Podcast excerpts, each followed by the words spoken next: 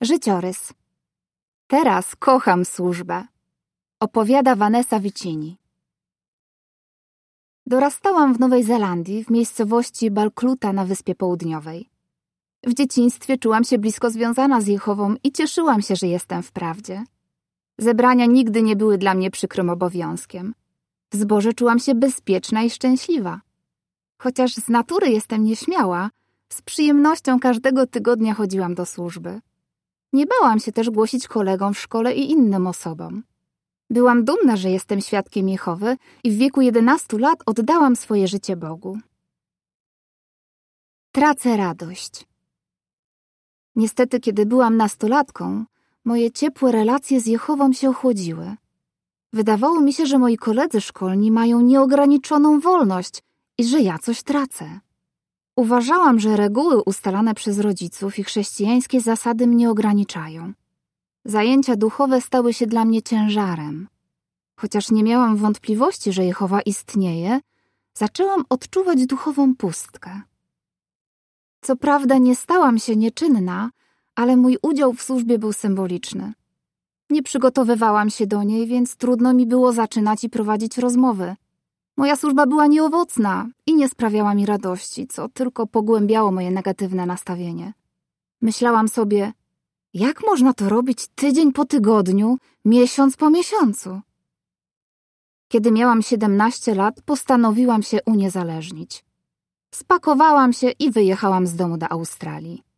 Dla rodziców było to ciężkim przeżyciem. Martwili się o mnie, ale wierzyli, że nie przestanę służyć Jehowie. W Australii mój stan duchowy jeszcze się pogorszył. Na zebraniach pojawiałam się sporadycznie. Trzymałam się z młodymi, którzy jednego wieczora byli na zebraniu, a następnego imprezowali w nocnym klubie. Teraz widzę, że jedną nogą byłam w prawdzie, a drugą w świecie, ale w rzeczywistości ani tu, ani tu nie czułam się dobrze. Niespodziewanie otrzymuję cenną lekcję. Po jakichś dwóch latach poznałam siostrę, która nieświadomie skłoniła mnie do przemyślenia, w jakim kierunku zmierza moje życie. Mieszkałam wtedy w jednym domu z czterema innymi siostrami.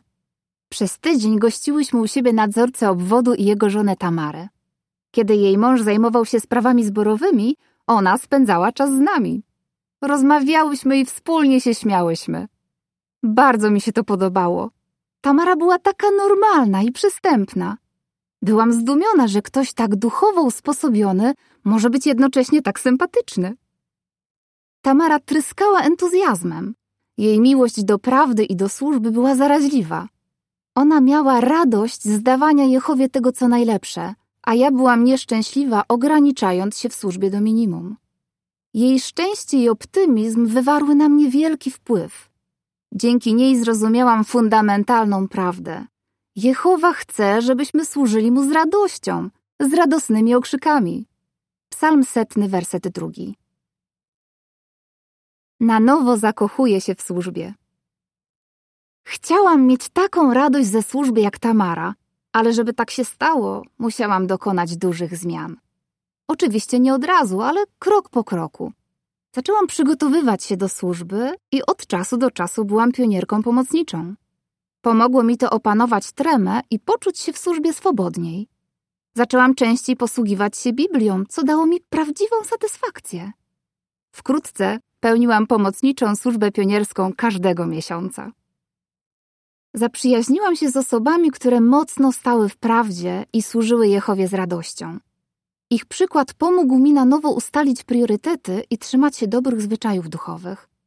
Służba dawała mi coraz więcej radości i w końcu zostałam pionierką stałą. Po raz pierwszy od lat byłam szczęśliwa i w zborze czułam się jak w domu. Znajduję współpracownika na stałe. Rok później poznałam Aleksa, miłego, szczerego brata, który kochał Jehowę i służbę.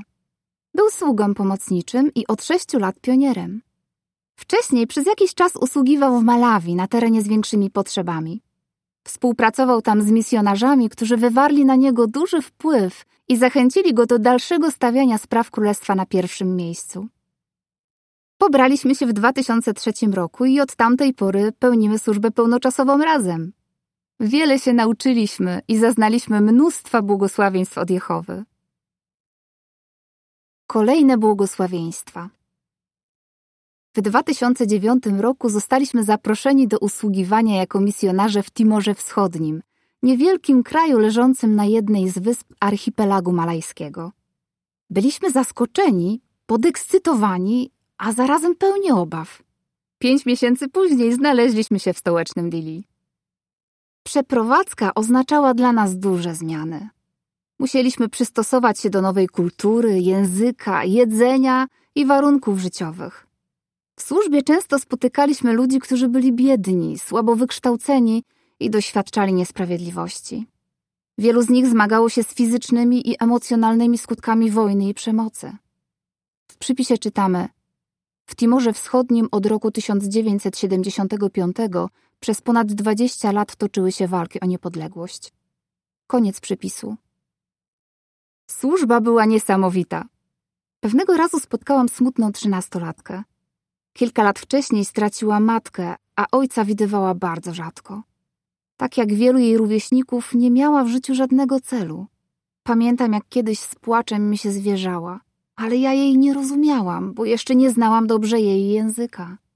Pomodliłam się do Jehowy, żeby pomógł mi ją pocieszyć, a potem zaczęłam jej czytać pokrzepiające wersety.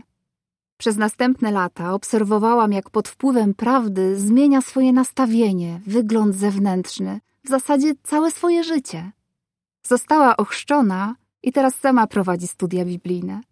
Ma wielką duchową rodzinę i czuje się kochana. Jehowa błogosławi działalności w Timorze Wschodnim. Chociaż większość głosicieli została ochrzczona w ostatnich dziesięciu latach, wielu jest pionierami, sługami pomocniczymi i starszymi. Inni pracują w biurze tłumaczeń i pomagają w przygotowywaniu pokarmu duchowego w miejscowych językach. Odczuwałam ogromną radość, słysząc ich śpiew na zebraniach, widząc ich uśmiechnięte twarze i obserwując ich duchowe postępy. Nie mogłabym sobie wymarzyć szczęśliwszego życia. Warunki w Timorze Wschodnim bardzo się różniły od tych w Australii, ale nie mogłabym sobie wymarzyć szczęśliwszego życia. Nieraz podróżowaliśmy zatłoczonymi busami, wypełnionymi po brzegi nie tylko ludźmi, ale też suszonymi rybami i warzywami z miejscowego targu. Czasami prowadziliśmy studium w niewielkiej chatce, w której panował ukrop. Zamiast podłogi było klepisko, a dookoła biegały kury. Ale mimo tych wyzwań często myślałam sobie, jest cudownie. Patrząc wstecz, jestem wdzięczna rodzicom, że uczyli mnie o Jehowie i wspierali, nawet kiedy jako nastolatka osłabłam duchowo. Sprawdziły się na mnie słowa z przysłów 22.6. Mama i tata są dumni ze mnie i z Aleksa. Bardzo się cieszą, widząc jak Jehowa się nami posługuje. Od 2016 roku pełnimy służbę w obwodzie na terenie oddziału Australazja. Aż trudno uwierzyć, że kiedyś uważałam głoszenie za przykry obowiązek. Teraz kocham służbę. Nauczyłam się, że niezależnie od tego, co się dzieje w naszym życiu, prawdziwą radość daje tylko służenie Bogu całym sercem. Ostatnich 18 lat spędzonych w służbie dla Jehowy razem z Aleksem to najszczęśliwszy okres mojego życia. Teraz rozumiem, jak prawdziwe są słowa z Psalmu 5, wersetu 11, którymi Dawid zwrócił się do Jehowy.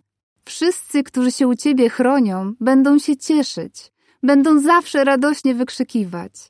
Ci, którzy kochają Twoje imię, będą się Tobą radować. Koniec artykułu.